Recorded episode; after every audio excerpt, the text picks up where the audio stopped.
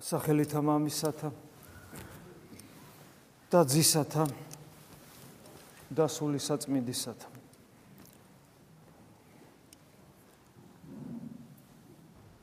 ყოველს დაგვიდგა ეს ნანატრი დღე. ყოველს სიხარული გვაქვს. საერთოდ სულიერ ცხოვრებას ფიქრი კი ჭირდება მაგრამ ღვთის განცდა რადგან რწმენიდან გამომდინარეა, უფრო მეტად ინტუიციურია ვიდრე რაციონალური. უბრალოდ ადამიანი ისეთი არსებაა, რომ რო არის ფიქროს არ შეუძლია. ეგ ერთი და მეორე. ფიქრი ხანდახან სასარგებლოც არის. შესაბამისად ჩვენ მიუხედავად იმისა, რომ სიხარული გვაქვს, უნდა გვახსოვდეს, რომ ეს ინტუიციური სიხარული საკმარისი არ არის, იმიტომ რომ შემდგომში შენარჩუნება გვიჭირს, ყველამ ვიცით, რომ აღდგომის სიხარული კი გვაქვს, მაგრამ ძნელად ვინარჩუნებთ მას.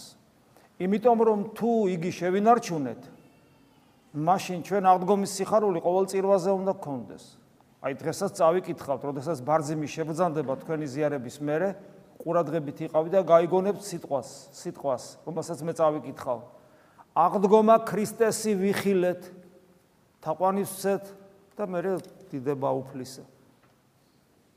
აღდგომა ქრისტესი ვიხილეთ. ზიარების მერე ამბობს ადამიანი. ეს მეტაფორა არ არის. ეს სინამდვილეა, ამაზე წერენ კიდევაც წმინდა მამები. იგივე წმინდა სიმონ ახალი ღვთისმოწყალე წერს ამის შესახებ.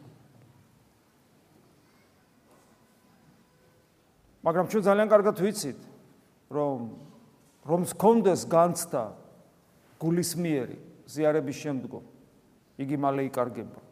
და სწორედ აი აზროვნება იმიტომ არის საჭირო და ფიქრი ამ მიმართულებით, რომ ვიცოდეთ ერთხელ და სამუდამოდ, ბოლოს და ბოლოს. რას არ ვაკეთებთ სწორად? რას ვაშავებთ? სად ვწდებით? რომ მიუხედავად სამყაროს შემოქმედის სიტყვებისა, ვინც ეზიარებაო, ვინც შეჭამსო, ჩემს სისსა და ხორცო, მე მასთან ვიქნები და ის ჩემთან იქნებაო და მასში მარადიული სიცოცხლე დაიწყებაო, მიუხედავად ამისა, ჩვენ მუდამ კარგავთ მადლს. ეს ხო ნიშნავს, რომ ჩვენ რაღაცას არასწორად ვაკეთებთ. საერთოდ ჩვენი ჩვენი რწმენაა განსაცვიფრებელი. ხშირად მithქვავს, რომ ცუდი არ იქნება გავიხსენოთ, როგორ გახდა ჩვენი როგორ მოხდა ჩვენი მოქცევა რწმენას. როგორ ვირწმუნეთ, როდის ვირწმუნეთ, რომ იესო ქრისტე არის ღმერთი. როგორ გვიპოვა მან ჩვენ? და მან გვიპოვა ჩვენ. მე მათ ჩემი თავი მახსოვს.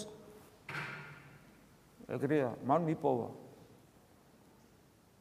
აი დღეს აღდგომის ქრისტეს აღდგომის დღესასწაულია და ანუ რა ხდება ქრისტეს აღდგომის დროს? ქრისტეს ანუ ძეღთისას ადამიანური ბუნება მოკვდა. ერას ნიშნავს, რომ ხორცით საფლავში დაიდო. მკვდარია, უსიცოცხლოა.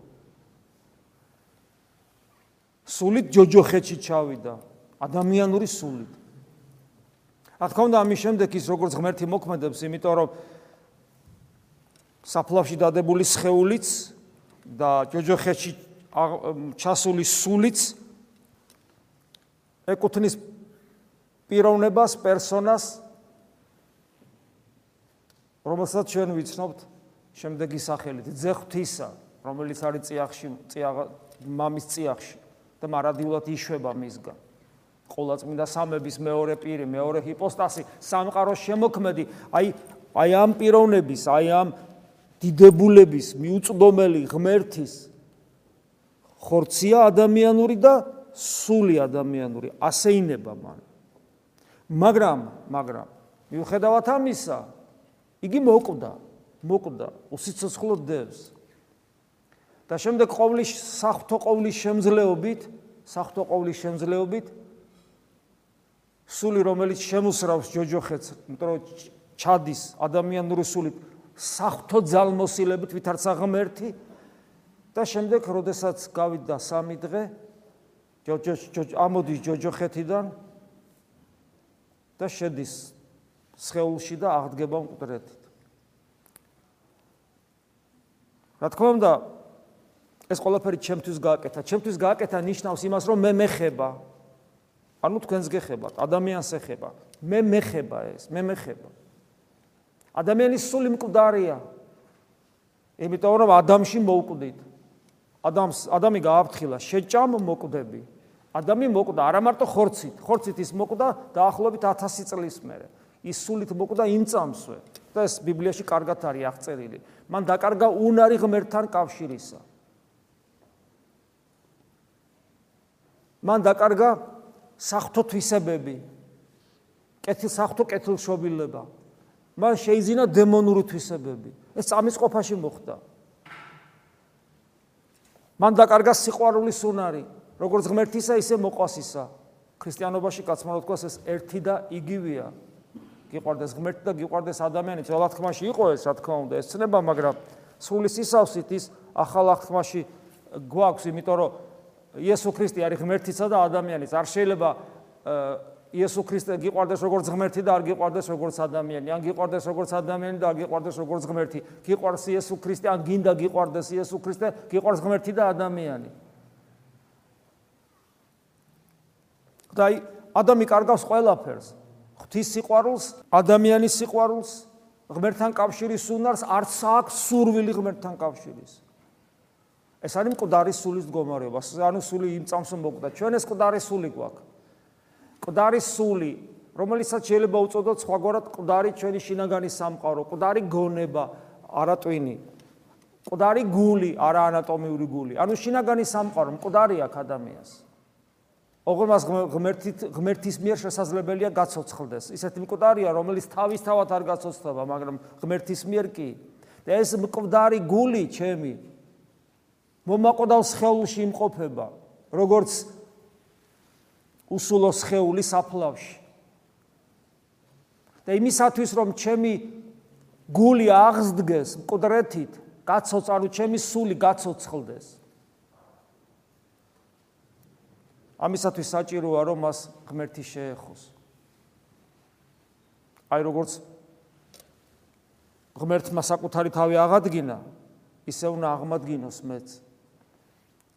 ოღონეს რომ მოხდეს, ოღონეს რომ მოხდეს.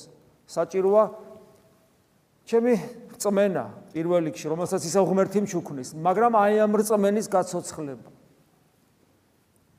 თუ ეს წმენა არ გაცოცხლდა, მაშინ ქრისტიანად ამაოდ ვიწოდები. არაფერს არ ექნება მნიშვნელობა აბსოლუტურად.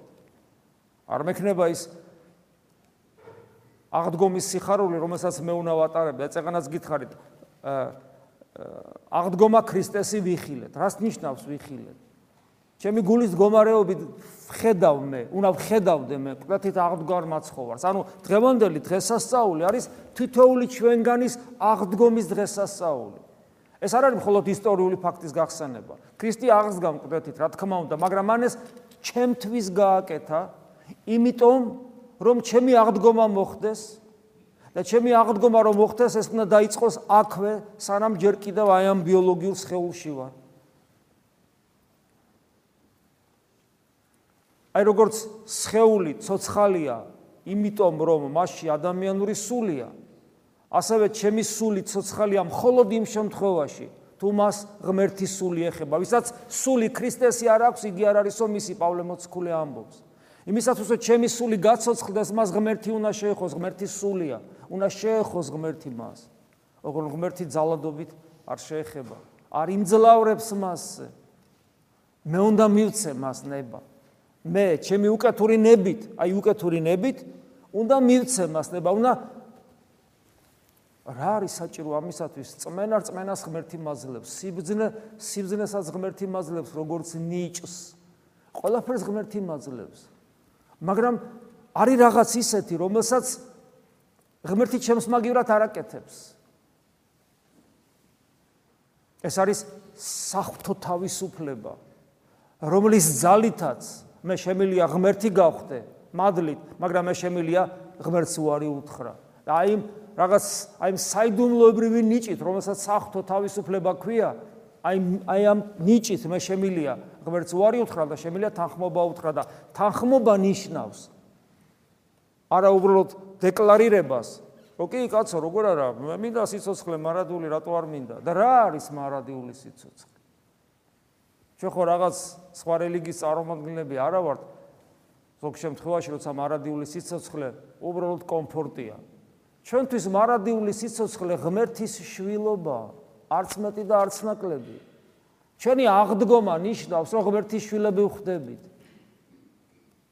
ასე რომ დღევანდელი დღე იმიტომ მოხდა რომ მე აღვდგე. და მე აღვდგები მაშინ როდესაც მე მივცემ უფლებას ღმერთს როგორც უკვდავ სულს, სულ არს ღმერთი რო ამბობს უფალი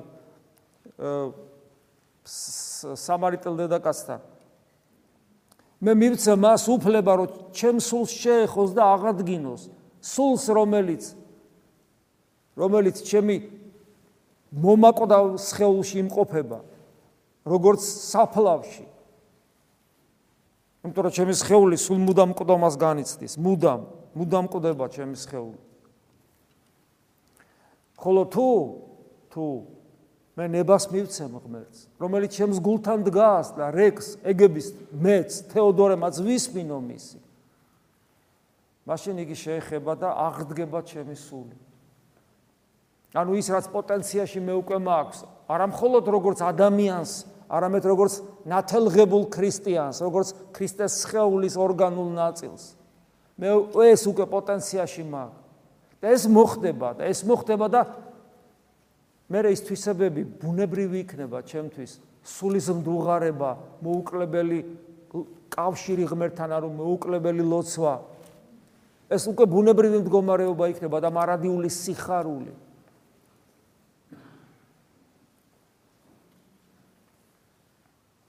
ასე რომ დღევანდელი დღე უაღრესად უაღრესად პრაქტიკული მნიშვნელობის არის თითოეული ჩვენგანისათვის.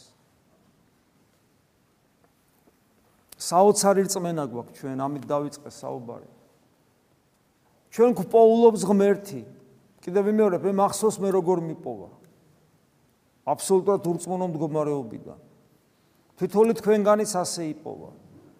მანამდე მოვიდა ადამიანად, ადამიანად მოვიდა იმიტომ რომ თითოეული ჩვენგანი ეპოვნა. ანუ ღმერთს შეუულია გიპოვოს ისე რომ ადამიანად არ მოვიდეს, მაგრამ შენ გაგიჭirdება მასთან კომუნიკაცია. იმიტომ რომ მას შენთან საუბარი შეუძლია. რანაირად? უდიდეს უმრავლეს შემთხვევაში ღმერთი ადამიანებთან საუბრობს сахарების საშუალებით. ჩემთანაც ასე ისაუბრა.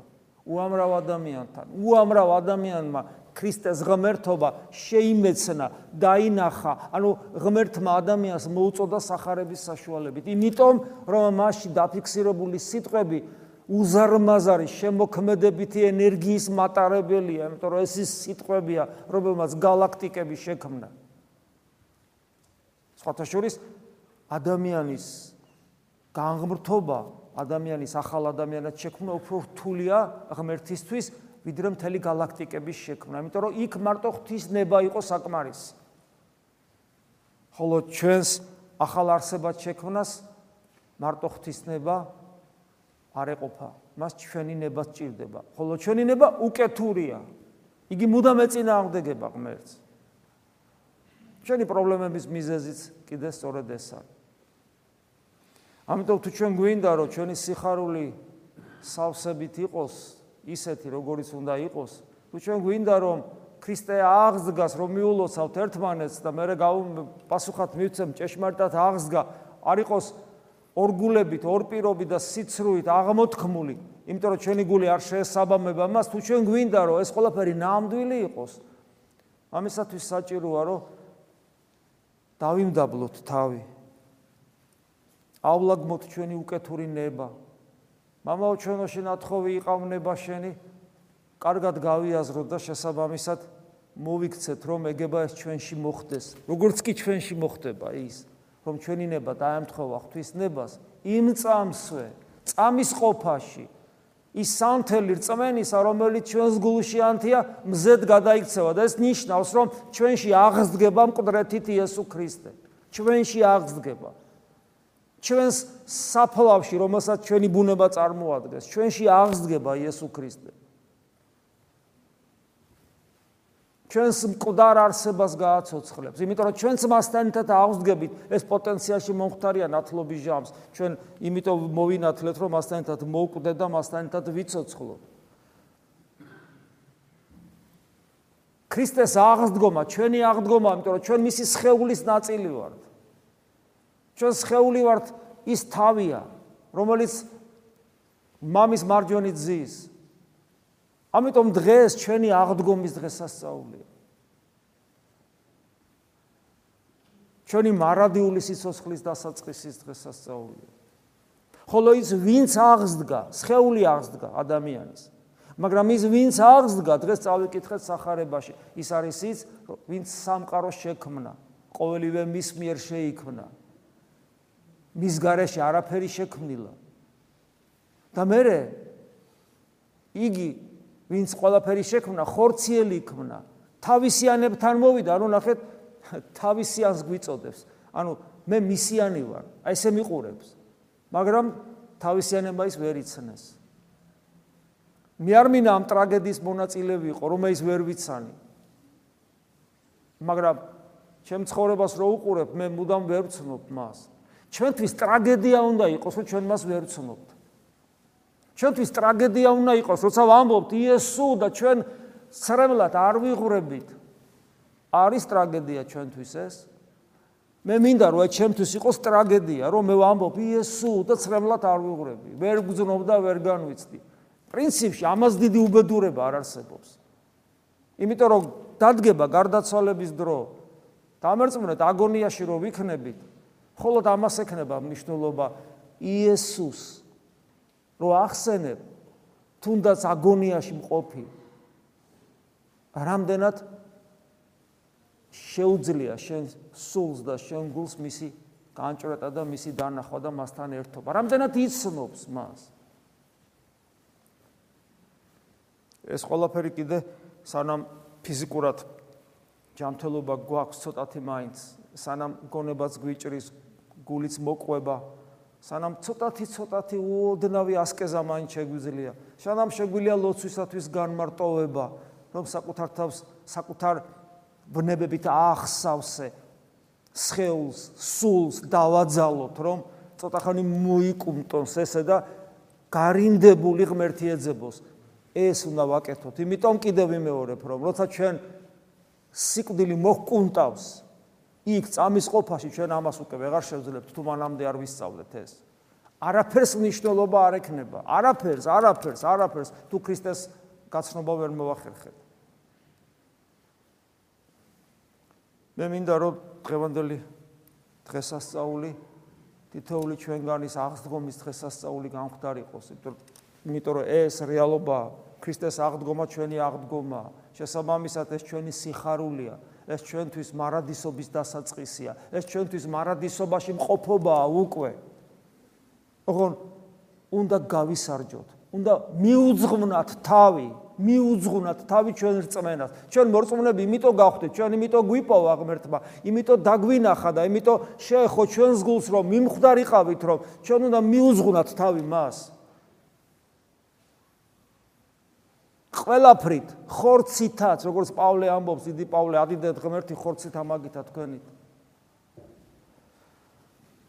ჩვენ უნდა ვეცადოთ და დანარჩენს დამერწმუნოთ თუ ჩვენ ვეცდებით ჯერ სწორად დავინახავთ.